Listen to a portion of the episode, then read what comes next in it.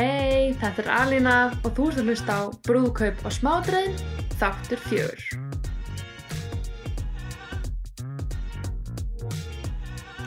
Hæ, ég vona að þú sért andlega tilbúin fyrir þessum þætti því eins og þú tókst eftir þá er þessi freka langur en svona gerist bara þegar maður sest yfir fólki og talar um brúkustæðinan þeirra að því að ég er alveg þar líka, ég get talað um hennan dag endalust, það er alltaf nóg til að tala um það er alltaf eitthvað nýtt til að tala um og maður fær ekki nóg af því að þetta er í rauninu bara eins og að fá að endur upplifa daginn sinn sem er það besta í heimi. Ef þú hefur ekki gifti en ef þú hefur gifti þá ertu örgulega þar líka. En þó er þessi langur þá er hann líka jam-packed af hlutum sem þú þarfst að vita. Og ég veit að ég segi þetta í hvert einu sinn en þú þarfst að vera með glósabókina á þig núna og pennan og hlusta og skrifa niður því að við tölum um svo mikið af hlutum en ég sast miður með í gegnum töluna með henni Vigdísitilja sem gifti sig á Björgafjörða Istra á senastári þann 14. ágúst og við fórum bara í allt því að ég veit að hún elskar að tala jafn mikið um brúköpið sitt og ég elskar að tala við hana því að við fórum bara eiginlega í gegnum allan daginn frá A til Ö, hún gaf okkur svo mikið af geðveikum ráðum bara frá því hvernig gott að, því að vera með krakkana og sjá um þá hvernig að passa sig að velja ekki ofallan bíl ef þú átt pappa sem elskar gamla bíla og bara alls konar góð ráð sem er bara að bæða það læra en líka hægt að fylgja og herma eftir og implementa inn, inn í sin eigin dag. Þannig að ég er bara ótrúlega spennt að hoppa með þér inn í það þátt. Og ég mæli líka með að þú kíkir á Instagram síðuna hennar sem er linkuð hennar neðan. Því að hún er með ótrúlega mikið að fallið myndum og flotta, flott, fullt af flottu efnin og story sem þú getur líka nýtt þér. Og hún í alveg setti svo ótrúlega mikið metnað í daginn sinn. Hún er svo mikið að fallið skrauti og smáadrum og auðvitað fekk fullt af frábár fólki með sér lið til að gera þannig þennan dag Instagram sem þú getur líka að skrifa niður og sett á listan hjá þér fyrir brúkastæðin þinn þannig að ég ætla bara að segja, ertu tilbúin? Ertu tilbúin? Ok, hoppum þá inn í þannan geggjað þátt og ef þér finnst í hljómika skrítin þá er þetta fyrsta viðtalið sem ég tók ever, þannig að ég er kannski hérna með smá svona galsa og smá hérna hnút í hálsunum en við bara hunsum það og hoppum inn í hann geggjað þátt því hann er jam-packed af upplýsingum. Gerð svo vel.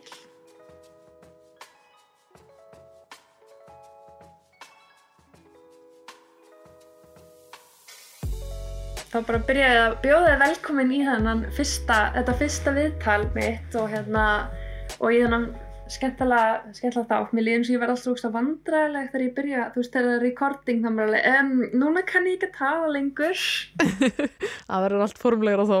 Mm -hmm. þannig að hérna, já, eins og vorum að tala um áður við byrjum, að hérna um hennan brúðköpsbransa skemmtilega það er alveg margt skemmtilegt við hann en margt bara svona vantar svo mikið upplýsingum og upplýsingaflæði og þú veist, hvað fannst þér svona, þú veist vanta, hvað, hvað fannst þér mest fyrir að týnd eða fannst þið mest svona vanta upp á? Um, ég veit ekki, það var kannski meira bara svona uh, ekkert einn hlutur frekar en einhver annar, það var bara svona in general, þú veist hvernig byr maður til reysastóra visslu sjálfur, einhvern veginn? Þú veist, fólk heldur fermingavisslur og það er pínu annað dæmi. En þetta var bara svona, þú veist, hvað er eðlilegt að eigða miklu, hvað er eðlilegt að, þú veist, fá hjálp með mikið og hvað maður að gera sjálfur? Uh, hvað, þú veist, hvar nálgast ég allt þetta, þú veist, maður sér mikið af flottum myndum, flottum kjólum og skreitingum og eitthvað svona en þú veist, hvar er allt þetta fólk? Þú veist, hvernig, hvernig ger ég svona brúðköp? en mér fannst Instagram hjálpa mér rosa mikið. Ég, þú veist, sök mjög djúft í svona taktgrefju, þú veist, ef það var einhver taggar í eitthvað þá fór ég inn þar og hann taggaði einhvern annan og ég fór inn þar og eitthvað svona. Um, og þannig fann ég fullt af þú veist, mínum hugmyndum og svona líka bara, já, Pinterest Já, en ég ætla ekki að byrja á því að byrja þið um að hérna, bara kynna þig fyrir fólk sem kannski þekkir þig ekki, ég veit ekkert um þig, maður veit alveg, maður hugsa ofta alveg, það veit allir hver ég er, en það er alveg pottitt fullt af fólki sem veit ekkert hver maður er. Ó, veist, ég regna með að séu fleira á þeim vagnir sem veit ekkert hver ég er, En uh, já, ég heiti Vigdís Diljá, uh, starfa sem verkefnastjóri íþrótta og æskulíðsmála í sveitafélaginu mínu múlaþingi. Uh, ég er uh, mikið á Instagram eitthvað, finnst það mjög gaman. Ég á eina þryggjara stelpu og von á annari stelpu í apríl uh, 2022 og já, bara svona venjuleg landsbyðartúta held ég, 27 ára. Var ég búin að segja það? Ná. Já, bara til hafa mikið með það, ný hérna, bara óvæntur barnið með sem kom í ekki? Jú, svolítið, við komumst að þessu í undirbúningnum og, og tilkynntum þetta í brúðkaupinu. Og það hlýtur að vera geggjað. Já, það var alveg trillt sko, við vorum líka að ræða áðan áður en ég kom, hérna, sérst ég og maðurinn minn, uh, hvað hafi verið svona uppbóls tímapunkturinn okkar í veislinni, uh, eða þú veist bara á öllum þessum degi og það, það er svo ótrúlega margt en það var svo ótrúlega gaman að fá að tilkynna þetta. Bara hæ, allir vinir okkar og fjölskylda við, okkur er að fjölga. Þú veist, það er bara svo trillt að hafa þetta tækifæri. Og þurfa ekki, þú veist, að ringja eða, þú veist, einhverju þurfa að komast að þessu samfélagsmiðlum með eitthvað, bara geta tilkynnt þetta öllum hann, það var trillt upplifun, sko. Já, og líka hversu ofta ertu bara með þeim bara alla ættingjana, alla vinina á einum stað þar sem þú getur verið Akkurat. bara, þú veist fyrir framann alla bara eitthvað, hei, ég er um veist, það er um það er svona one in a, one in a lifetime bara tímapunktur til þess að gera þetta og kannski ekki margir sem fá að þetta tækifæri Því miður, og ég vildi óska þess að einhvern veginn það væri fleiri tilefni sem að fengi bara alla vinni sína og alla fjölskyldu saman. Það, það, brúðkaup er eiginlega eina skiptið og svo kannski bara þú veist, ég er það fyrir manns. Að maður er sjálfnast viðstættur á það. Já, maður það bara er duglega að taka hérna, stór, hérna stóramæli og svona, ég held að fólk sé líka bara oflátt, ég elska bara að halda upp á, þú veist, ég er um alveg starra en því held að segja manni minnum þetta, þú veist, mér er alveg samótt að við eigum, þú veist, stóramæli með árs millibili, þú veist, við ætlum að halda öll stóramælin, ég nenni ekki að vera, þú veist, eitt af þessu fólki sem er bara eitthvað, æ, nei, það er svo lítið, þú veist, lítið tíma á milli, við sleppum bara mínu eða þínu, þú veist, það verður bara, Ég voru ekki að tala um að slá þessu saman einu sinni, það er bara það er stóra amali Nei. tvö ári röð. ég nenni því ekkert, sko, Ok. Mér, það er bara, þú veist, mér finnst það bara að vera auðmyggjaskapi, sko, maður þarf bara að gera þetta vel, bara safna, þú veist, eins og þú segir, já, ég held það, ég held að sé bara gaman líka þú veist, að eins og segir, hversu oft er maður að bjóða öllum og þú veist, Mhm. vera með öllum vinnum sínum, það er nú svo sjaldan þannig að þetta eru hvert mörg stóramæli yfir æfina sem hún nennir að halda upp á þú veist, þannig að þetta er nú ekki ekki það mikið, sko. Nei, þetta er að vera svona eins og uh, var ekki þáttur hann að jarða fyrir mín gaurin sem að hjælt aldrei upp á Mhm. neitt og okkur bara að halda geggja að jarða fyrir árunum þetta já ég veit, bara geggjað. Já. Já, en byrjum um það að segja mér hvernig baðan þín, ég er ekkit viss um að, hérna, að ég hef allan að greipið það af insta hvort það hafi komið fram. Uh, jú, það er einhver staðar djúpt þarna niðri. Ef þú ert í góðri þumalputta æfinga getur þú skróla niður og fundið það. En uh, ég skal bara segja það. Það var mjög, mjög skemmtilegt. Uh, þetta var uh, 5. ágúst föstudaginn fyrir fiskidaginn mikla ég er sem sagt uh, móðurætti mín öll er frá Dalvík og á fiskidaginn mikla er alltaf svona hálfgert ættamót hjá mér. Uh, sískinni mömmu kom alltaf frá útlöndum og við erum öll hjá ömmu og afa. Og Íslefur minn uh, sest, bað afa heitin um að fá bátinn hans í láni og bað pappa um hönd mína sem ég finnst ógeðslega krútlegt og fyndið en pínu andfeminist en samt eiginlega nógu krútlegt þannig að það er í lagi. Og hann, já, fór var búinn að kaupa ring hann sérst ákvaði þetta helgin á undan. Uh, þá var Vestlunum helgi og ég fór á þjóðatíð og ekki hann. Hann var á vertíð með móðurbróðu sínum og hérna móðurbróðu hans var bara hvað er að þér, af hverju þetta ekki búin að trúlóast henni? Bara, þú veist já, það var einhvern veginn þá sem hann átti að sjá því að hann langaði að gera þetta og gerði það bara helgin eftir sem ég varst mjög töff að vera ekkert að býða með þetta eða bera þetta undir mig. Uh, þannig já, hann byrði mér út á sjó og mér fannst það ógeðslega pirrandi að ég mátti ekki bjóða neinu með. Þú veist, ég var svo mikið af frændsískina sem búi útlöndum og ég er alveg, hei, viltu ekki koma með? Allir ekki allir með okkur á sjóin og hann var alveg bara, nei, nei, nei, nei, nei við ætlum bara tvö. Hvað voða stress er þetta? Þannig að, já, við fórum hann út og uh, vorum einhverstað milli Dalvíkur og Hríseyjar þar sem að hann hendi sér á skelljarnar og hann baði mér sko um að trúlóast sér af því að hann endi ekki þessu giftingadæmi. Hann ætlaði bara að vera trúlóvæðir og láta þar við sitja. En ég tók það náttúrulega alls ekki mál. Ég var alltaf að fara að gifta mig. Þannig að já uh, hann setti á mig reyndar allt og allt og stóran ring og svona hluti að því að plana þetta með einhver fyrirvara og hafa engar ring til að vera sama við. En uh, hann var búinn að sérst láta eiginlega alla fjölskyldar mín að vita þannig að þegar við komum heim til og afa þá byðu þau öll út á tröppum með kampavinn og skálum og það var svona uh, trúlóna partí strax eftir sem var ógislega gaman. Ó, já, hljómaði svona hafi ekki alveg hugsað þetta samt til enda. Bara alltaf, bara svona, já, veistu, ég er ekki með svarið spurningunum af hverju ætti ekki að gift þenni en ég ætla að trúlast þenni og svo var bara ekkert, pælt í, þú veist, að þurft að vera brúðkaup eða ringurinn þurft að passa eða neitt. Það Nei, var bara, það, og það er líka bara svo dæmigert fyrir okkur. Þetta er bara svona, já, heyrðu, hljóma vel genum það og svo kemur restin bara ljós. Algjörlega. Já, ég held að þeir fatta það svolítið svo sjaldan, veist, að kíkja í skarkripa skrínum hans og tjekka okkur um öðrum ringum, það ég, held að sé mjög algengt að það er bara eitthvað, já, mér datt það ekkert í hugum, það eitthvað, ég, þú sérð mig alveg verið með ringa, ekkert það er ekki allt í sömu starf ég mitt, hérna, það var mjög random get ekki sagt í hvaða, í hvaða aðstæðum ég var þegar þetta gerðist en hérna, að þá er hægt að reykja þetta. En það er svo sagt maður sem ég þekki ekki neitt hef hitt tvisar á æfinni sem að trúði mér fyrir því að hann væri að fara að byggja kæristunum sinnar og hann vildi bara fá einhver svona ráð hjá mér og hvernig er þetta að gera þetta og eitthvað svona bera undir málskonar og ég bara farði í skarkrifarskrýna hennar náði ég eitt ring áður hún kaupir hann. Og þegar hún kaupir trúluanringin uh, byrjaði á að skoða Pinterest hennar hvort hún einhverstað búin að pinna ring eða eitthvað, búin að læka eitthvað. Og hérna, pældu í hvernig giftingarring þú vilt með þannig að þetta passi saman. Þannig að það sé ekki bara eitthvað svona einn stakur ringur og svo verður vesinn að finna trúlunarring sem passa við þetta. Sé eitthvað svona par. Þannig að það var það er bara geggja ráð. Já, á það og að gera þetta hérna, einhvern veginn þannig að það væri uh, upptaka eða myndavél eða eit- eitthvað í gangi þannig að þú veist, þau myndu eiga mómentið. Ég er svo mikið þar, mér langar alltaf að eiga myndir af öllu. Já, ég held að fái líka pæli einmitt í því, en það er ótrúlega gaman, ég held að sé alveg ótrúlega, einmitt þá getur kannski verið með hérna vini og- eða ættingi í kring sem getur ekki geta vippað myndaðinni eða eitthvað, ég held að það sé alveg sniðut eins og þarna hann hefði kannski gett að plata eitthvað í annan bát Já, þess að sigla framhjá eða eitthvað. Já, það var algjör lukka að ég var með selfie stick með mér í þessum bótstúr. Þannig að það var ein rándýr selfie með ringin út á, út á sjó. Já, næs. Þú varst ánum með ringin? Já, hann var mjög ólíkur því sem að ég var búin að pinna en hann var samt mjög fallegur um, ég er líka mjög þú veist, ég verði eiginlega gladur og gladari með hann af því að þú veist uh, ég var silfur típa þá uh, og þetta er gullringur en ég er orðin gulltípa núna allt skartið mitt er gull og ég vil alltaf allt gull þannig að það var bara mjög vel valið svona upp á framtíðan að gera sko.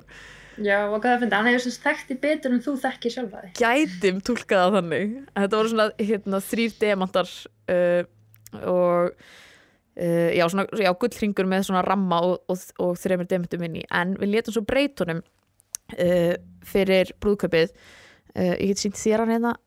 Áheyrendur heyrið ekki. En við sem sagt ammans, við trúluðum okkur á ammælistegi ömmu hans, selömmu og hún var miklu uppáhaldi hjá okkur. Ótrúlega skemmtileg kona.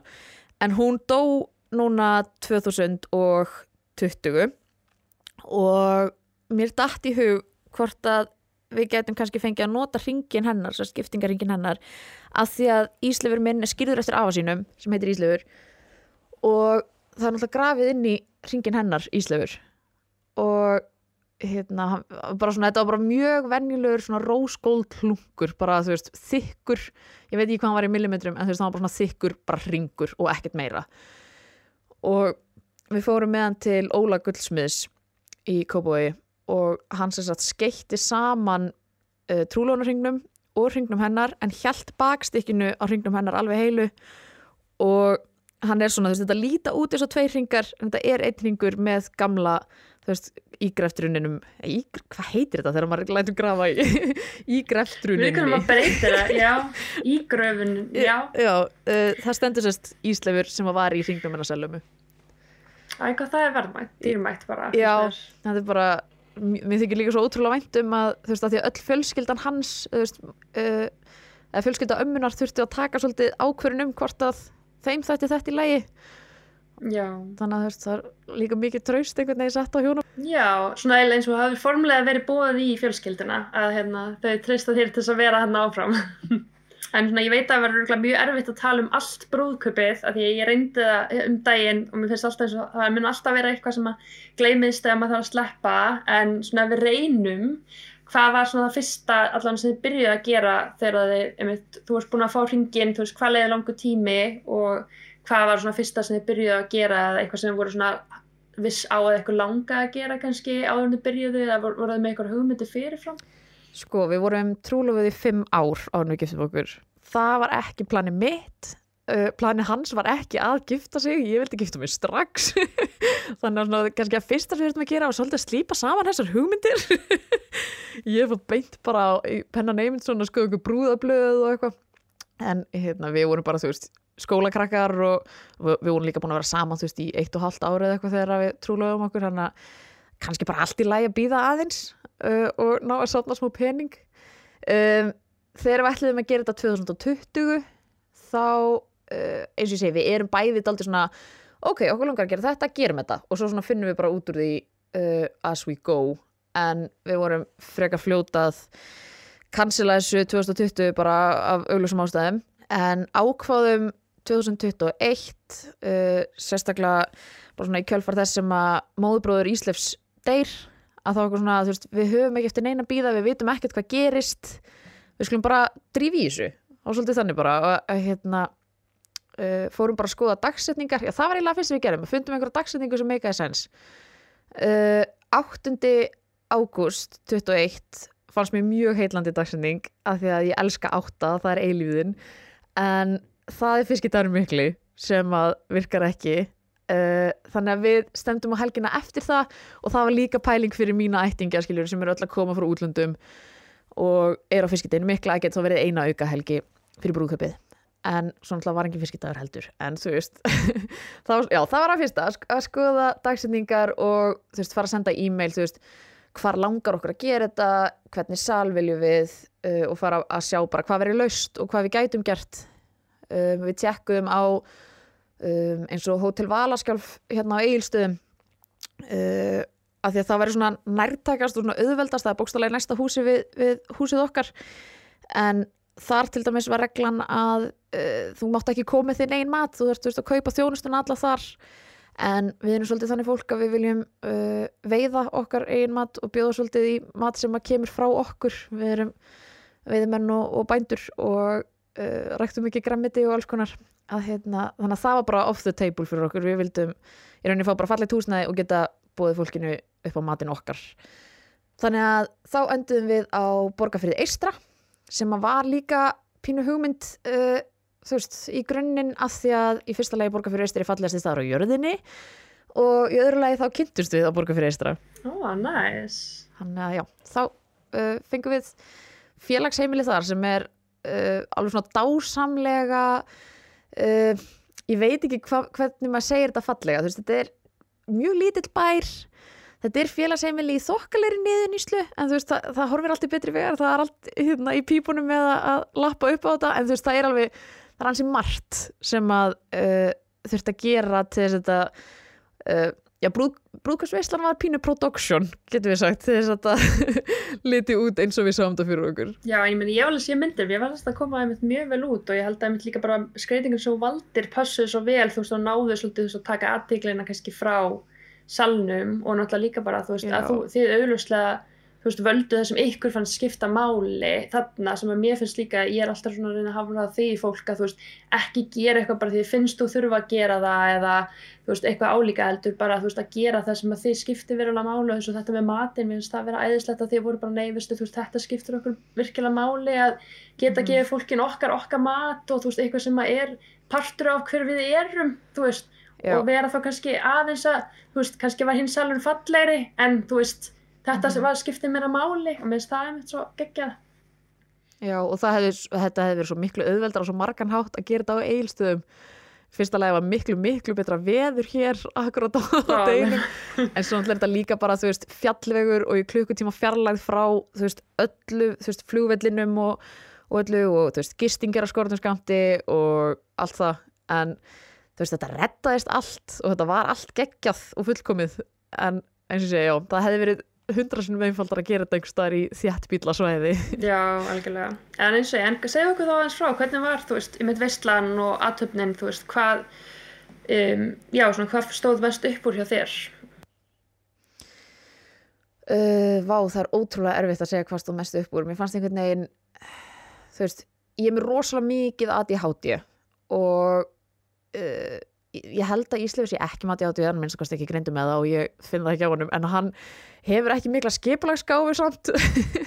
Þannig að þetta var pínu svona undirbúningurinn um, sem betur fer fekk ég bara pínu svona hyperfókus á hann undirbúning og einhvern veginn allt annað fekk að víkja meðan ég var í þessu og ég undirbjóði þetta bara mjög, mjög vel. Og ég pældi mjög miklu og náði einhvern veginn að, þú veist, í pínu sannaði fyrir sjálfur mér að ég geti þetta en líka bara, ég, þú veist, ég náði einhvern veginn að halda svo vel utanum alls konar sem ég held að væri bara, þú veist, við, halló, við erum borg fyrir eistir við erum ekki fara að gera þetta, einhvern veginn svona um, til dæmis bara, þú veist, um morgunin eða nóttina áður, þá gistum við í sitt hverju hótelherbygginu, uh, bara með bestu vinum okkar.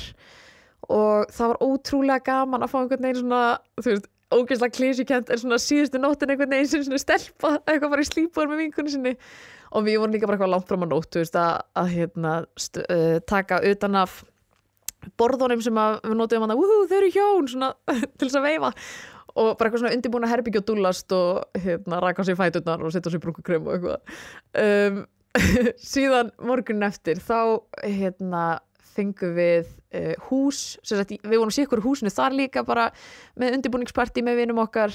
Uh, ég tók brönns með stelpunum og svo kom förðunadama og hérna hálfkvæmslu kona þangað og það var einhvern veginn svona allt þar var líka svo ótrúlega fullkomið, það var svo geðvikt gamaldags og fallega uppgert einhvern veginn þannig að myndirnar eru allar sjúklega romantískar og svona akkurat væpi sem ég vildi sem að er ótrúlega fyndi vegna þess að við rettum þessu húsi dægin áður og ég vissi ekki að við getum verið þannig að þetta var bara algjör lukka.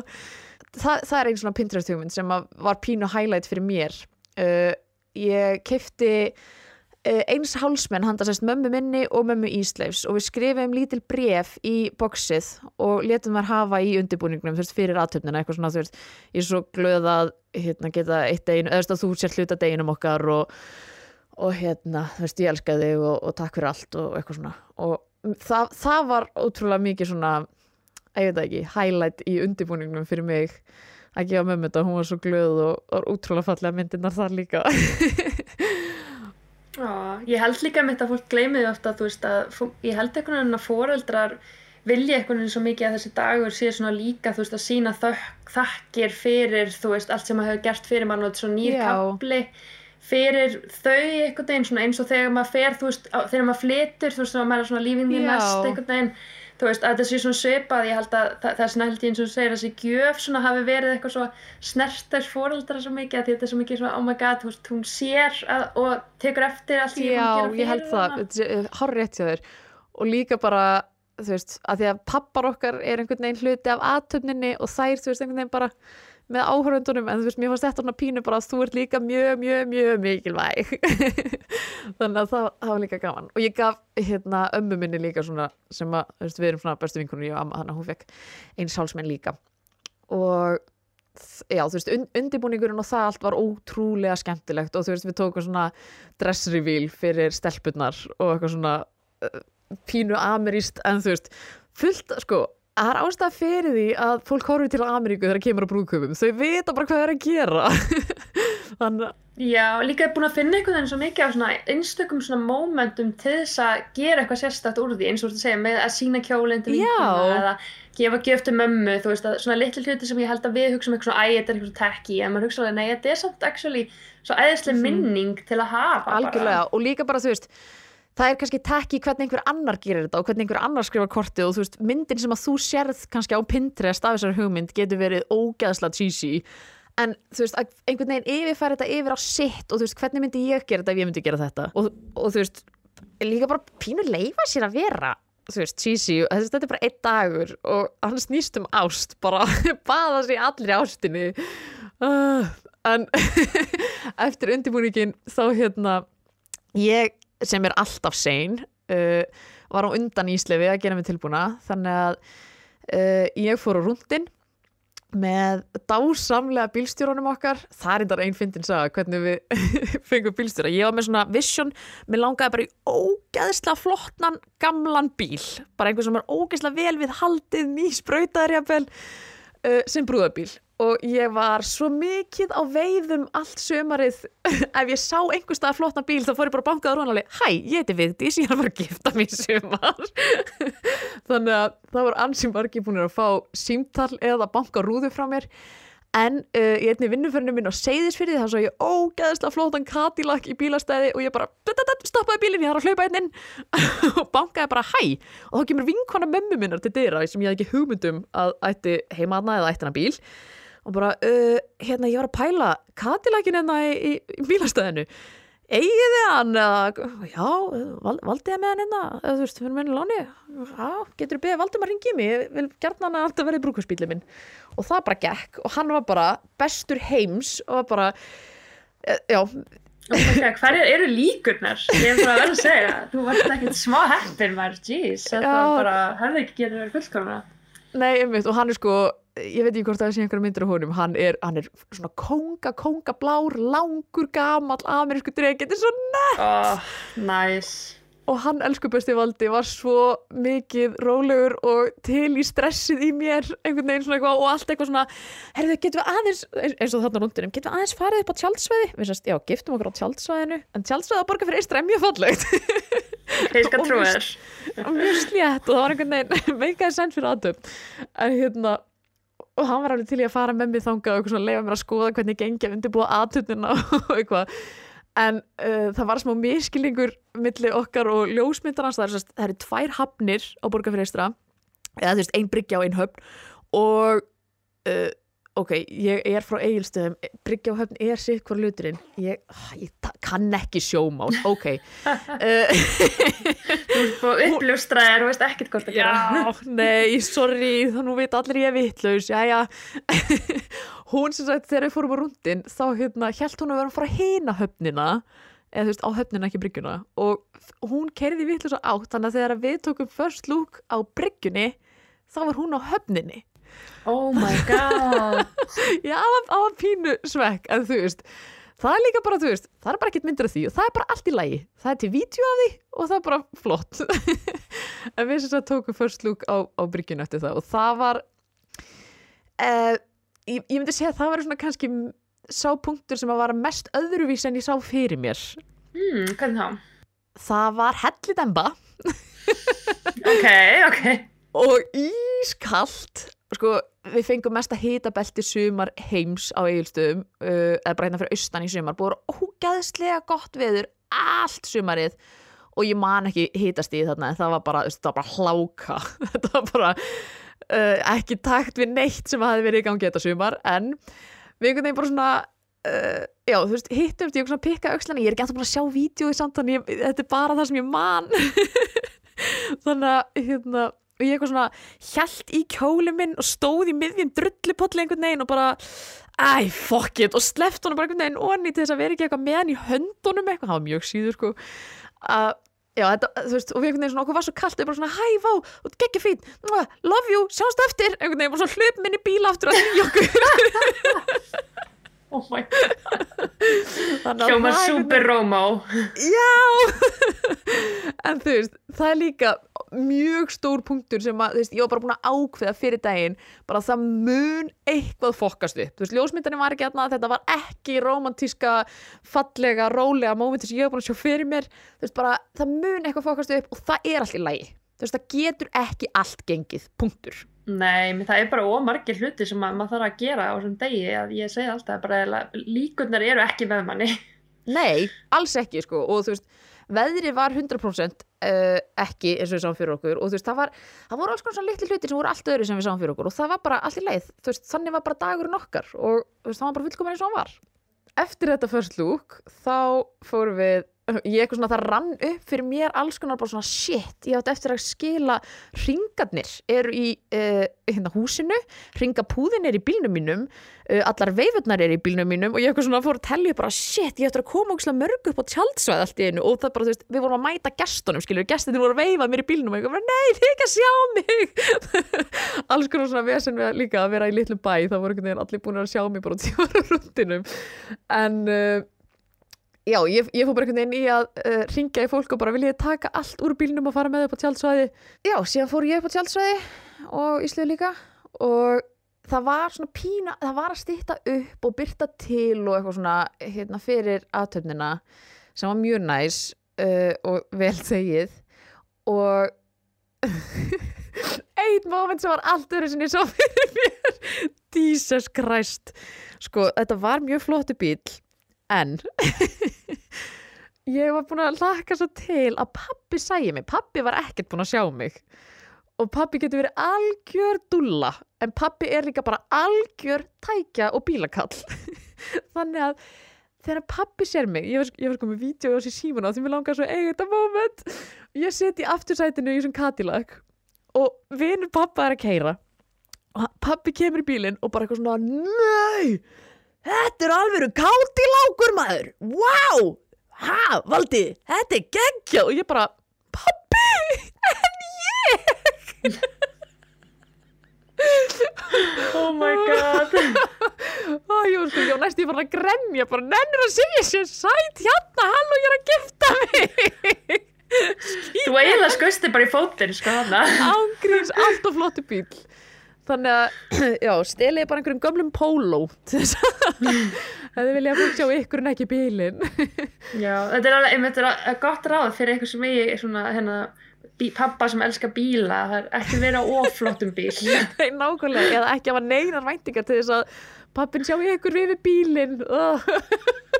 Wow. en, já, það- mér finnst það bara svo ókísla fyndið en, hérna, já við svo, þegar sko, það kom algjör sól, það kom bara svona sólar glæta og bara stytti upp, það var bara svona fullkomi moment. Og ég bara, heyrðu, ok, förum núna. Ég, ég vil fara núna.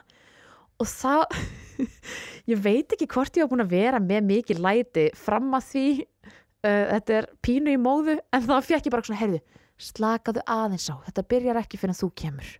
En bara, heyrðu, mér er alveg sama. Ég ætla að koma núna, nenni að senda ringaberna inn núna, vil ég setja blómastelpunar inn? Það er sól núna, ég ætla að koma núna. Og ég bara, anda, anda inn láttu axlina síga. Nei ég ætla inn núna. Þannig að ég fekk ekki mikla hlustun akkurat þá en þetta byrjaði skömmu eftir það, það var bara smá rigning þá. Ég misti af þessu ofur sólarmómenti. Það hefði bara verið svo epíst að koma inn bara eitthvað svona, það er búið að þoka á rigningi allan daginn, ha, hún er komin. En já svo kom ég bara inn og áttum mjög krútlega aðtöp ég var með svo præsöngatriði sem ég mæli ekki með. Ég mæli, mæli alls ekki með að syngja eigin brúðköpi, guð minn góður. Ég, ég, ég sungi fullt af jarðaförum ég sungi jarðaförum hjá afa mínum og ömmu systrum og ömmu Ísleifs og öllum skilur en þessi kökkur var bara einhvern veginn allt öðruvísi ég bara heyrði einhvern veginn í sjálfur mér ég komst ekki upp í neina tóna og ég bara svona ég gat Æ. ekki kreist mig upp í neitt og því bara svo feitna kökk í hálsinu æ, ég held að það sé líka mikilvægt að vera ekki miklu pressu á sig og vera að ætla að sér að gera einmitt alveg, vera með geggjan first dance og eitthvað geggja atriði og eitthvað, ég held að maður verður líka bara svolítið að gefa sér breyk. Æ, já, algjörlega sko. Það eru hundra hluti sem það þarf að pæla í og veist, um að gera var ekki að bæta aukalega á það eitthvað sem að þarf ekki sko. En hvað fannst þið svona skemmtilegast og leiðilegast við brúkvöldplönuna? Við plönurina fannst mér 100% skemmtilegast uh, að tala um þetta. Ég get, ég get tala endalaust um brúkursundibúning og mér fannst bara svo gaman, það skapaðist pínu einhvern veginn svona samfélag fannst mér á, á Instagram hjá mér og mjög margir eitthvað að pæla og spurja og, og fá ráða því þau voru að gifta sér saman tíma og þú veist, hérna líka bara ég eignast fullt af vinkonum gegnum Instagram sem voru að gifta sig þetta sumar og voru einhvern veginn að veita mér ráða því ég var líka út að skýta í mjög mörgum hlutum. Svona samskiptin við allt fólki sem var í þessu sama og hafði áhuga á þessu það var svona held ég upp á haldi mitt af þessu. Leiðinlegast? Ég það ekki. Borga allt. Það var svolítið það. Maður að sjá bankareikningan að tæmast sko. En þú veist, það er samt líka bara hluta af þessu eitthvað sem að vera að vera undirbúin fyrir sko. En það er klálega eitthvað sem ég hefði verið til að sleppa því Já, það væri virkilega skemmtilega að geta planið bara drauma brúkupið á þess að þurfa að borga neitt. einmitt Og já, segja okkur meira frá, við erum búin að fara yfir alla hérna aðtöfnuna um, og bara svona því að það tengist kannski svolítið visslunni en ég hefndi alltaf að spyrja þig, þú veist að ég sá að þú talar ekkert um á Instagram að þú varst að pæla að skreita sjálf en ákveð svo að fá hérna listanar ráðgjöf til að koma og skreita fyrir þig. Af hverju, hvað þú veist, hvað gerðist eða gerðist ekki, hvað af hverju ákveðstu að, að fara þá leiðin? Sko, það er eiginlega pínu fyndin saga. Ég uh, átt, eða sko, ég á bíó eilstöðum og fór söður til þess að fara í keiluskurð og átti þarna auka dag í Reykjavík þar sem ég var bara eitthvað svona, wúhú, ég ætla eiga amerískan brúðkaupsundibúningadag og pantaði mér í kjólamátun í lofvörð, mæli 100% með að panta kjólamátun uh, sérstaklega í lofvörð, eða þú veist, ég bara próf lofvörð og það var æði uh, og tók vinkonum mína með og það var bara nefnir svona kampavín og makarónur og ógeðsla skemmtileg stemming og ég bara svona, ok, hvað getur við gert meira brúðkaups? Uh, ég ætla að tala við skreitingaráðgjafa og vinkonum mína voru alveg skreitingaráðgjafa, veitis, er þetta ekki too much? Ertu ekki, ert ekki komin alveg í finnst þér ekki hérna? Nei, ég ætla bara, ég ætla að tala við hana og ég ætla að sjá hvernig hugmyndir hún er með og sjá hvort að ég get ekki bara gert svoleiðis og ég var svona cirka sjö sekundur að átta með að ég get ekki gert það saman þannig að það var kannski pínu shady hérna, upplægið að þessum fyndi ég, ég ætlaði pínu bara svona pick her brain sko. en það var veist, já, það, það getur enginn gert það saman svafa í listanins ráðgjöf hún í alvörinni uh, á svo ógeðsla stóran þátt í því að brúðköpið okkar var að þeim draumi sem það var sko. þetta var veist, allar þessar þurrkuð skreitingar þær eru bara veist, að versla inn í þær er ógeðslega dýrt. Uh, sérstaklega þegar maður er að skreita svona stóran sal eins og við vorum með og vorum mikið skraut uh, og veist, að, geta sett þetta saman og vita hvernig, veist, hvað virkar vel saman og veist, þetta er svo miklu, miklu meiri fræði heldur en ég gerði mig grein fyrir. Þannig að ég var sko sjúglega ánægð að hafa einhvern veginn rampað á hana og ég gerði það einmitt út frá þessu Instagram takk svona hoppi uh, þá var ég bara á hérna, Instagram hjá Lovorð og hún gerði einhverja rosa skreitingu í loftið hjá Lovorð og ég fann hana þar og hvort að þið voru einhverja verkefni saman líka andatækið og hérna, uh, listanæri ráðgjöf og ég var svona ok, þetta er nákvæmlega það sem ég er búin að vera að pinna. Bara þú veist, öll þessi pampastrá og stóri pálmalöfin og einhvern veginn svona, veist, þessi pæling sem við vorum með, eða við, ég, Íslega var saman um þetta algjörlega, nei það er bara ekki ég held að það sé svona, punkturinn þarna er einmitt algjörlega að fólk áttur sér oft ekki á hvað er meira segja en að gera þú veist, að, að meira gera en að segja þú veist, að taka einmitt eitthvað að Pinterest og reyna svo að recreata sjálfur, að því að maður heldur einmitt ofta að þetta sé bara eitthvað, að þetta er ekkit máli, þetta er bara þetta og þetta og þú veist, maður sér mm -hmm. þetta allt og svo þú veist, þegar maður fer að maður Já. það sem er á myndinni þú veist að þá ofta áttum að sjá að þetta er í rauninni miklu miklu erfiðara.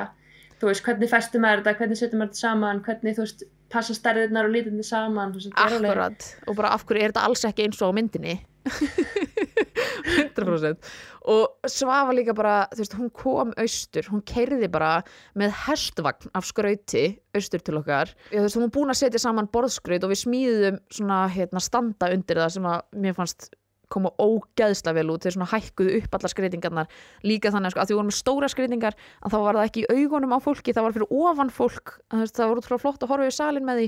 En þú veist, hún var líka með bara veist, hún var svo mikið á leigu. Veist, hún var með risa ring fyrir aftan okkur í aðtöfninni sem hún var með bara, bara hjút sem aldrei á æfinni sé svona stór pálmalöf sem voru fyrir aftan okkur með skreitingum og þetta var allt nákvæmlega eins og ég sá fyrir mér. Og brúðköpsvöndurinn, eða brúðarvöndurinn með bóndarósum og þurkuð og þetta var svo fallet Hljómar eins og algjör draumur.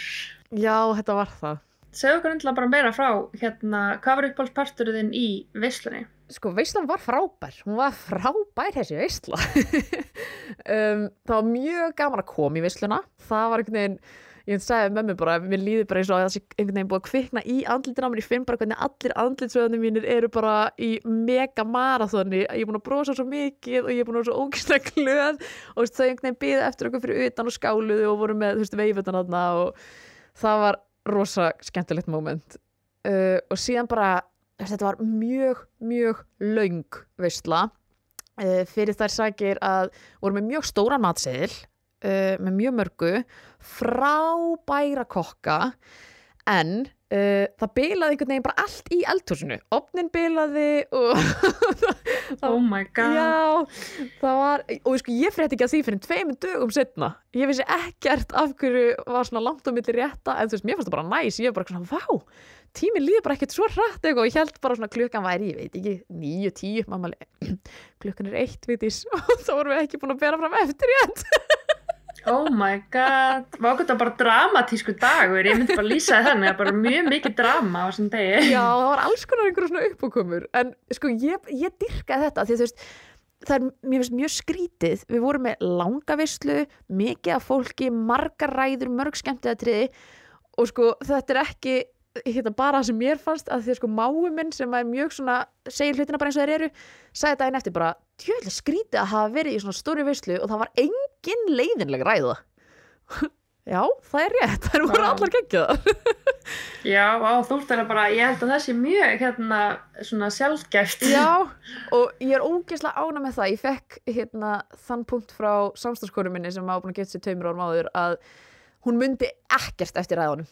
Það veist einhvern veginn bara svona öll gleðin og öll skilningavitin er einhvern veginn bara svo yfirfull að maður næri ekki að meðtaka allt og hún bara þú veist gaf mér þann punkt bara taktu upp, láttu taka upp öll skemmtiðatrið og við gerðum það.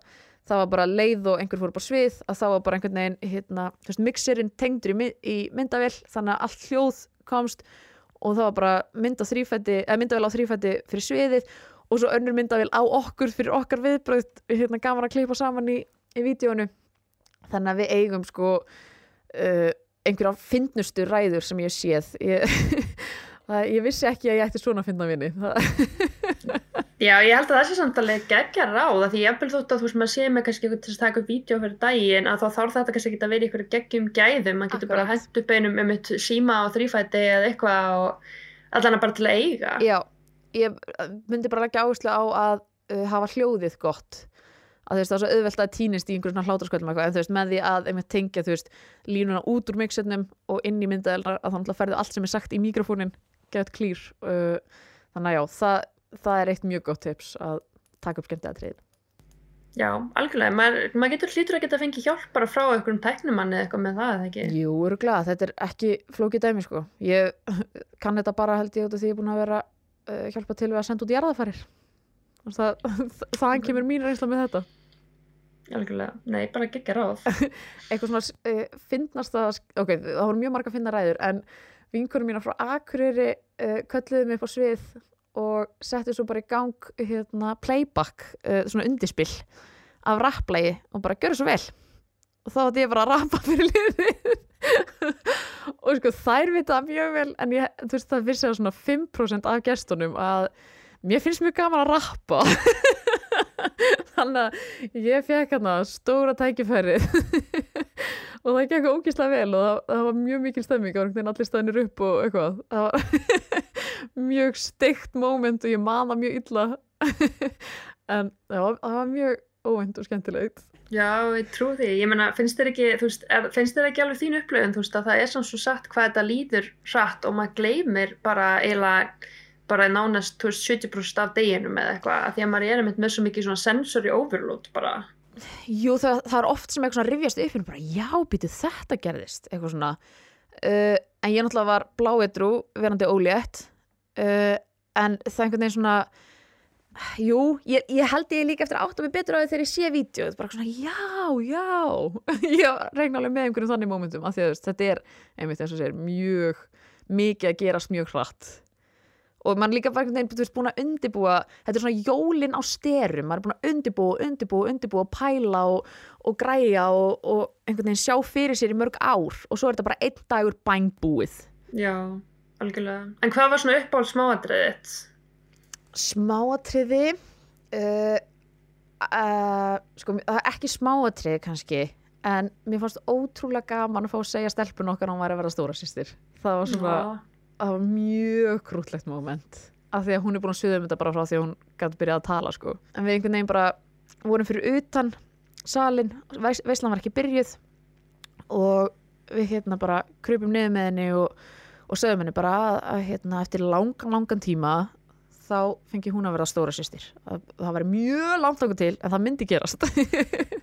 Að þetta er náttúrulega þvílíkur tími fyrir þryggjara vatna býða en það var svo krútlegt bara hvernig hún tók því. Það var bara eitthvað svona ha, e, núna? Ertu ól, er, er batni maðanum núna? Já. Er það stelpa að strákur? Hún bara, við vitum það ekki og það er til sko bara, ég fara sér ljósmyndir á þessum mómenti þar sem hún er bara, nei, við vitum það ekki með hendunar alveg upp í loft, kannski er það stelpa og bent á mig eða strákur og bent á Ísleif. Og þetta var einhvern veginn bara svo ógeðslega pjúr og grútleit moment og hún var svo innilega glöð og hissa. En já, það, það var svona það. Og svo í framvelda því þá hérna fengum við fjölskyldunar okkar út og stiltum upp í hópmynd og Guðni ljósmyndari tók veist myndir á okkur bara svona standandi stíðunum og svo hérna allir segja sís og allir segja vigdi sér ólétt og, og myndirnar af fólkinu þegar að færa sér fréttir eru svo ógeðslega krútlegar að því að allir eitthvað svona what? Nei? Hæ? Að það vissi þetta enginn í fjölskyldunni þannig að það var svona Oh my god, oh, ég alveg bara öfunda ég held að það er geðveikt að sjá öllum sko, sjóma bara priceless bara, og svo, svo leysist þetta líka bara upp í svo mikið grúphögg eitthvað, hérna mamma alveg, ha? eitthvað svo stóð fyrir aftan með reyf alveg, bara ertu ólétt? Þannig að þú veist, ég einhvern veginn stýri mig við bara fór að knúsa hana og þá fór einhvern veginn allir að knúsast bara og það var svona, já, mjög, mjög trúllett já.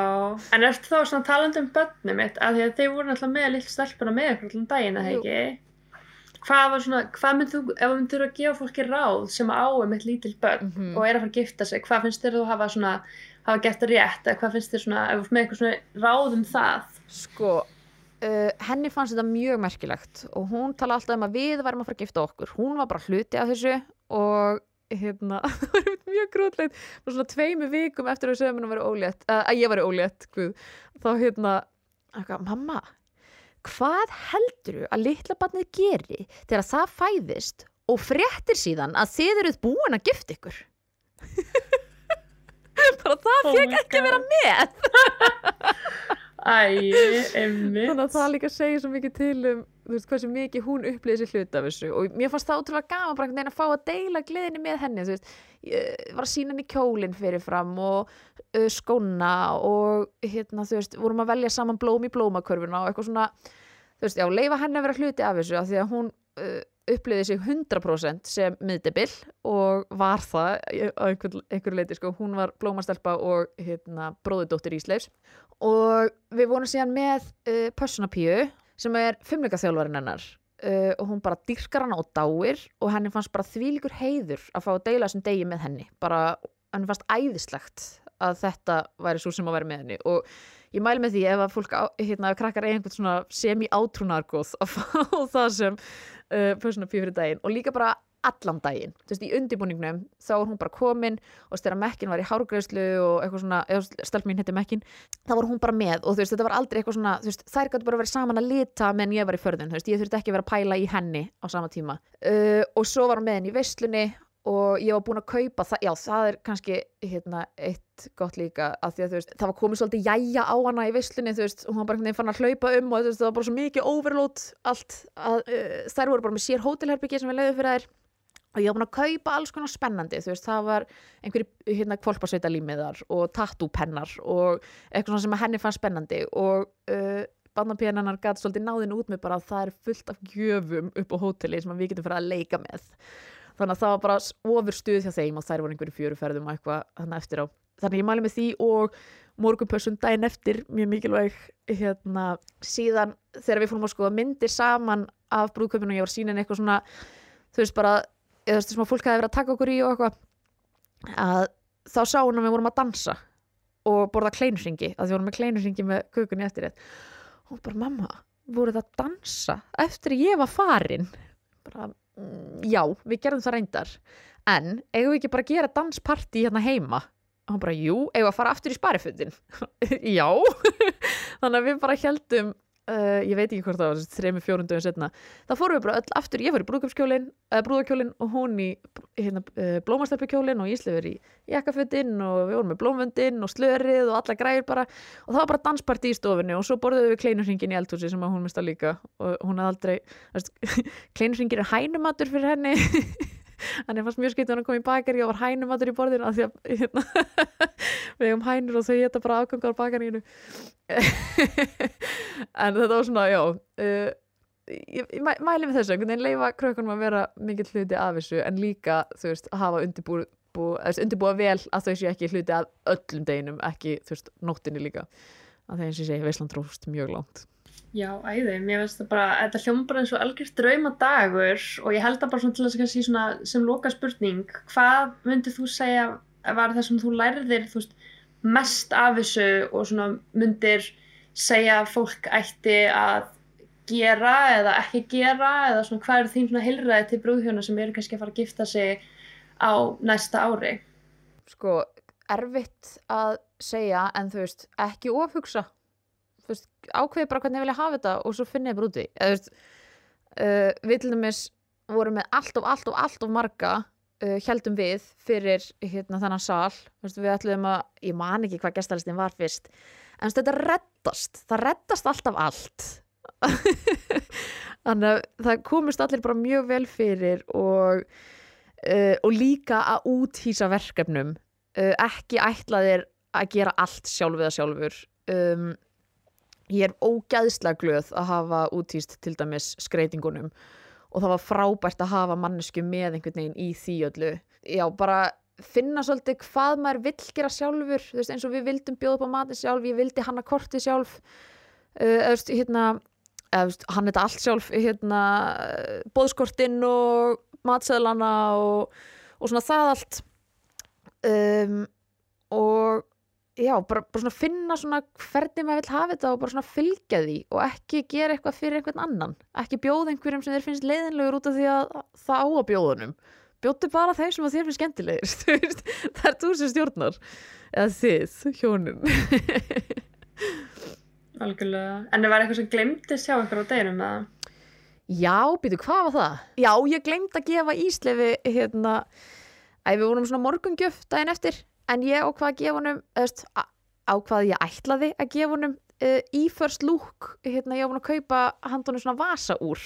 Að þeim var svo ógeðslega töff ullar jakkafutum um, og þetta var svona gullkeðja sem hann gæti haft einhvern veginn svona í vasanum inn fyrir hann kom svona keðja á milli og eitthvað og hann var búin að segja mér svona, þetta er ógeðslega nett. Og ég var búin að kaupa úr sem ég er búin að láta grafa í dagsetningun okkar og eitthvað eh, cheesy quote um tíma eitthvað og hérna, svo bara daginn eftir bara nei ég gleyndi að láta ég Ah. hafa þetta.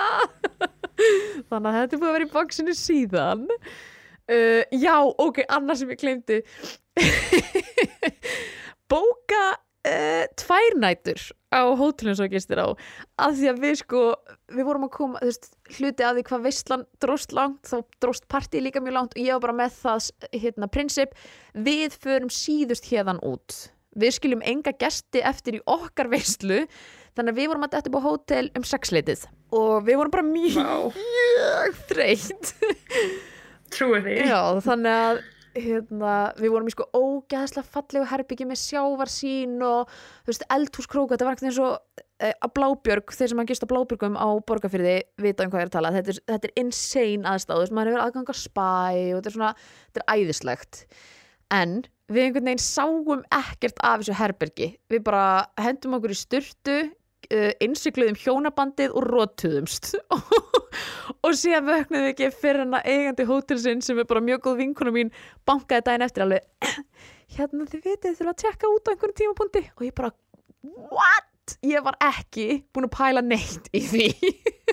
Það þarf Nei, að tjekka tjekka út bara klukkan 11. Já, hún var sko, hún leiði okkur svo til eitt bara það var tjekkat klukkan 11 hérna, er annað fólk að koma í íbúðina við þurfum að þrýfa hann á milli Oh my god, emmitt. Já, ég held að þetta, ég er alveg sammála, ég feilaði líka þessu. Ég, maður, finnst þetta held ég bara alltaf að vera svolítið dýrst, þú veist, að vera að fara að Einmitt. splæsa kannski tvær nættum og hugsa alveg, æ, ég er ekkert að fara að vera það neitt, en ég er alveg sammála, ég held að sé alveg mega næs og ég hef alveg heyrt fólk sem hefur gert þetta rétt, að vera bara líka með kannski einn dag og fara bara spa, skilur daginn eftir og Mhm. bara svolítið að njóta, skilur um að sé giftur og svo daginn eftir það að þá tjekka sig út og Já, fara aftur í, í alvöru heiminn. já, það var daldið harkaleg lending þarna upp úr klukkan eitt uh, Við sérst tókum drastlega okkar og fórum út og hérna veist, ég var ekki með neitt nema sko teipið sem ég var með fyrir brjóstahaldra, þú veist, ég var ekki með neitt venjulega brjóstahaldra, þannig ég var bara með teipið brjóst í joggingalla komin inn á hérna, í hótelopið þar sem er líka pizzastæður og þar voru bara allir vinur okkar í þetta þingu pizzu sem var geggjað. Og við einhvern veginn settist bara þar og svo bara þú veist, var svona, jæja, allir að drífa sig aftur upp í eilstæði, flestir voru bara á tjálsöðunum eða, eða í hótelunum hann í kring. Og hérna og þá bara svona, jæja, hvað gerum við núna? Og þá var sérst öll fjölskyldan okkar búin að vera að þrýfa og ganga frá þú veist upp á tjálsvæði og hérna veislusalnum og eitthvað.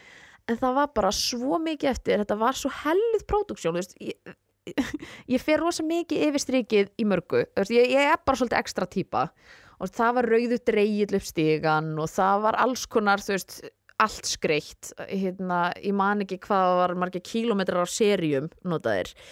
Uh, og þetta var bara hellið vinna að taka niður og við fórum bara á fullu í þetta. Og ég var bara að skrúpa klósett og þú veist, taka niður límið á speklunum og eitthvað svona daginn eftir. Og ég held að það sé líka mjög gott að vera annarkvort búin að ráða einhvern í þetta og vera búin að ganga frá öllum lausumöndum þannig að þeir sem er að ganga frá viti hvert alltaf að fara eða ef að þú ætlar að vera til taks að vera undirbúin fyrir brotlendinguna sem þetta er. Að því að sko hérna, þegar ég er búin að skrúpa klósetur og við erum búin að hérna, skila salnum og einhvern veginn eiga eitthvað svona pínu erfitt samtal við þá sem voru að leiða okkur salina því það var eitthvað svona hvað, það voru eitthvað, þeir voru miklu lengur og ég geti COVID ég geti eitthvað, já, ef að það er COVID til að gifta ykkur, ok ADHD, það er COVID að gifta ykkur verið þið búin að ganga frá því að þið megið það sem þið er að gera? Uh, ég var búin að því. Uh, ég sendi post á uh, aðgerastjórn Austurlands um uh, bara plönin, bara hæ, ég er að fara að gifta mig. Uh, við verðum rosa lengi megu við það, uh, hvernig eru reglunar og ég var bara búin að fá e-mail, bara hæ þetta er allt í leið, þetta er enga samkvæmi, eitthvað eitthvað, og þegar að vertarnir á sérst, þeir sem að leia út salin komi bara, halló klukkan á neitt þá er loka, þá er loka á þessum tíum búin loka allt klukkan neitt, en bara nei. Uh, við erum fyrstulega ekki búin að bera fram eftir rétt og í öðru lagi þá er hérna e-mail frá bæjastjórunum eða sveitastjórunum ég má hafa þessa veistlu og ég var mjög glöð að geta haft einhvern veginn svona bara hard proof bara pípið ykkur niður þeir eru ekki að fara að rústa brúðköfið hana Oh my god, það hlýtt svona að það hafi verið stress og í smá stund allavega. Já, og það líka, þeir voru búin að ná alls konar fólki upp með sér áður en það komst til mín sem að vissi ekki að ég væri búin að ganga frá þessu. Þú veist, pappi var komin í oi, oi, það er bara, það er bara að loka og það eru takmarkanir, hopp, hopp, hopp, hopp, hopp og ég bara, pappi, slaka, slaka, slaka, slaka, slaka. Þetta er allt undir kontról hérna. Uh, Þeir voru búin að skrúpa klósiti og taka þetta samtal. Hérna, það voru upp á tjaldsvæði og við vorum að taka saman bekkina sem hefur verið í aðtöfninni og eitthvað svona og bara eitthvað svona lóta bílana og fara og sitt hvernig bílnum upp í eigilstæði út af því að við vorum bara bæði á tróðnum bílum af drastli og ég fór bara hágrenja á tjálsvæðinu bara hvað í fjandanum er þetta þetta átti ekki að vera svona og líka það var svo ógíslega gott veður Oh my god, þannig varst eða að gráta veðrið. Svolítið, það var, það var svona alls konar eitthvað sem ég var bara, og líka bara hella spennufall og þú veist bara eitthvað Mhm. ólétt og eitthvað, það var bara svona bland af alls konar. Já, líka, þú veist, vera kannski pínu viðbúin þessu daginn eftir. Já, ég veist að ég hef alveg tekið núna nokkur brúðkaupa sem ég er einmitt í svona pakka og ég er eiginlega bara, það er ástæðan fyrir því að ég er eiginlega bara núna alveg selda á því, þú veist, það er bara allra peningar að verða að fá eitthvað til að gera þetta fyrir sig. Því að þú veist, ég einmitt, þú veist, þegar ég er að vinna á brúðkaupi að skreita og, og gera allt og sjá um allt ég er ekkert að drekka neitt en næsta dag líður manni bara eins og maður hafi verið í einhverju hellaði partí því maður er bara með algjöra bara eins og maður sé þunnur og maður er illt í beinunum og maður er ennþá illt í löppunum Já. og þú veist, mann fekk, maður svaf en þú veist, maður er samt bara ennþá drullu þreyttur og maður þarf að mynda að fara næsta dag og þú veist, pakka allir saman og setja allir í bílan og keira heim og fá sér þingupítsuna þú veist, maður er bara ótrúlega þreyttur og mér finnst það svo leiðilegt þú veist, að fólk þarf að upplega þetta eftir brúðkupsdægin maður ætti Mm. nú bara að fá að sofa út og njóta og þú veist, fara í heitapottin á hótelinu og bara aðeins að þú veist, take it in og njóta en ekki vera í þessu. Af því þá líka finnst mér eins og svona að tekur svolítið frá deginum einhvern veginn, þú veist, svona, var svo gaman og svo allt í nú, þú veist, þetta svona eins og svona jafnist út, skilja, það var svo geggja gaman og þetta geggja ömulegt og svona verður einhvern veginn svona,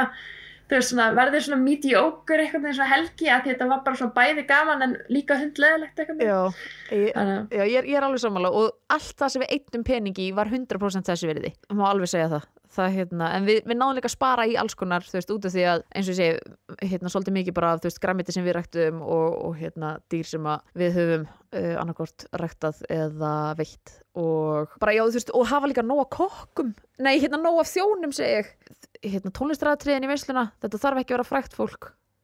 Hérna, veist, hérna. What? Þið heyrðu það fyrst hérna?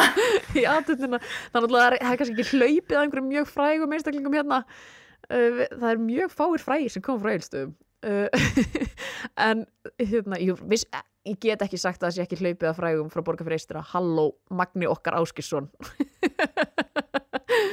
en hann er líklega orðin aðkröringu núna. Jæja, að ég veit ekki. Mér fannst líka tónlistin í aðtöndinni algjörlega geggjuð. Ég fekk hérna stelpur sem að eru bara, ég var að þjálfa þær í fimmleikum uh, og þær eru bara ógeðslega flinkar og fekk tónlistakennaran þeirra og fiðluleikara með.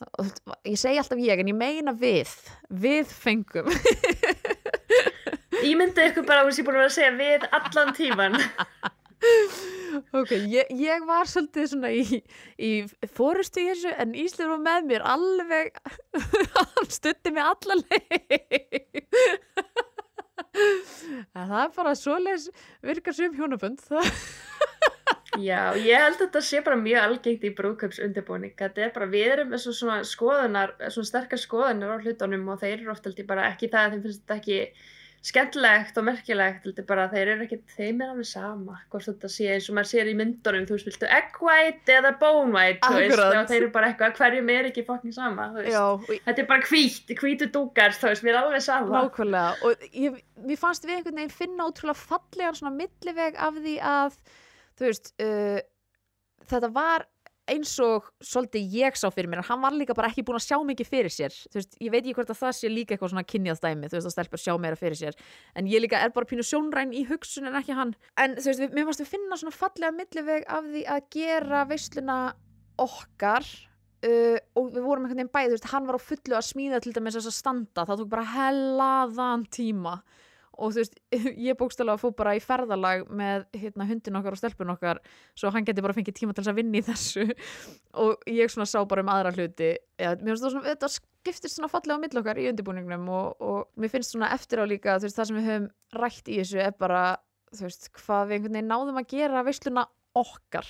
Þetta var, þetta var ekki eins og við höfum séð einhvers þar annar staðar eða eins og við heldum að einhver myndi vilja að þetta er því þetta var bara okkar Það er held ég ótrúlega fallegur staður til að enda þannig hlaðvarpstátt og hérna, en endilega segðu fólki að það vil sjá myndir og baku tjöldi, nú, ég veit að það eru nokkur Instagram story hvar það getur fundið þig og fengið að sjá smá sneak peek hvernig það var allt. Já, uh, ég heiti Vigdís Diljá og at, nei Vigdís Diljá og Sendu þér í telepost. Ég skal bara senda ykkur myndi krakka mínir Nei, hérna á Instagram er ég Diljá og, og ég er með einhver highlights og eitthvað svona í fítinu en ég er líka búin að hugsa bara, á, svo- það er svo trillt mikið að myndum frá Guðni af deginum og ég er svona mér langar geðveitt að bara drekja Instagraminu mínu í brúðköpi en ég svona þegar ég var uh, búin að deila þú veist þremur einhverjum svona póstum eftir hérna brúðköpið þá horfði ég á fítið mitt og það var ekkert engin póstur sem var óbrúðkaupspóstur. Þetta var allt bara, ég er að fara að gefta mig! Hérna, endilega sendu mér líka bara hérna hverjir voru að vinna deginum og svo leiðis, þannig að við getum líka bara að peppa fólk upp og þú veist, leið fólki að fá smá highlight, þú veist, þetta fólk sem að þú varst virkilega að fíla að vinna með, því mér finnst það líka bara skipt svo miklu máli í þessum bransa, þú veist, að bara lifta öllum upp og gefa öllum fleiri tækifæri til þess að, þú veist, að því að þitt brúkup sérstaklega var alveg flott í portfóljó fyrir margan alltaf.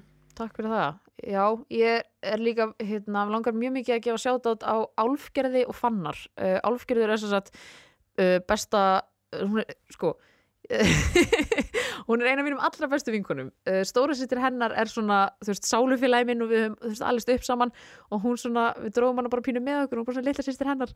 En núna þurfum við að orðna fullundar og það aldursmunur skiptir ekki lengur máli, þá er hún bara líka með. en hún er sem sagt í uh, kvikmyndaskóla í, í Berlín og hefur aldrei tekið upp áður uh, brúðkursvídeó en uh, það sem ég er búin að sjá af þessu brúðkursvídeói er svo hellað og hún er bara út í Berlín að klippa það núna og hún kemur heim í jólafrí. Og Fannar uh, Fannar Magg, finnið hann á Instagram uh, hann hefði heldur aldrei gert þetta. Og það er alveg pínu crazy held ég að hérna, taka svona mikinn sjens með vídjói sitt. Af því að það er alveg mjög mikilvægur partur af þessu en ég sé ekki neitt eftir því út af því að þau eru bæði svo ógist að miklir vinnuhestar þú veist, ég er ekki að djóka. Ok, ég, ég get kannski ekki selt fannar út af þetta hann gerir þetta hjá öllum, en hjá okkur. Þá var hann bara á fullu í undirbúningnum. Og þegar ég ekki einhverja crazy hugmyndi bara, herðu hérna, það er spásvondu veðri við verðum að hérna leia tjöld, við erum að leia fullt af tjöldum til þess að hafa úti að því að þegar við erum í myndatökunni þá verður ekki opið inn í sal. Og veist, ég var búin að sjá fyrir mig svona karnivalstemmingu ég var búin að ráða trúbadur, ég var búin að kaupa eitthvað svona cornhole dæmi uh, og eitthvað svona hérna, uh, popcorn og eitthvað. En það var bara fokkin hláka þannig að ég var svona ok, fullt af tjöldum. Og fannar fór bara fullfoss í það bara redda þessum tjöldum, setja þau upp hjálpa öllum einhvern veginn að, að græfi gera þannig að þú veist, hún líka bara ógeðslega heppin með allt fólkið okkar. Uh, og visslistyrun okkar. Og kakkan okkar var æðislega, hún fór að brindi sig. Bara reyta núna allt sjáttáttin nei, en en, endilega fylgist með þér hérna á Instagram og þá getið fengið að sjá hérna vídjói þegar það róandi droppar fljóðlega en bara takk eins og fyrir að koma í þáttinn. Hlutlega gaman að spilla Takk við æslega fyrir þig. að fá mig. Þetta er búið að vera gaman að tala. Er það ekki? Jú. Sérstaklega eins og þú segir, þið er svo gaman að tala um daginn og skipulega og þannig, það er alveg í þínu essi og bróðlega gaman að fá þig og spjalla við þig um allt brúkusteint og bara fengum ótrúlega marga góða móla. Já, það er gott. Gott að maður getur deilt einhver áfram. Uh, Takk hérlega fyrir fór mig og gangið rosa vel með þetta podcast Ég er mjög spennt að hlusta á fleiri Já, algjörlega. Sömbilega í þess.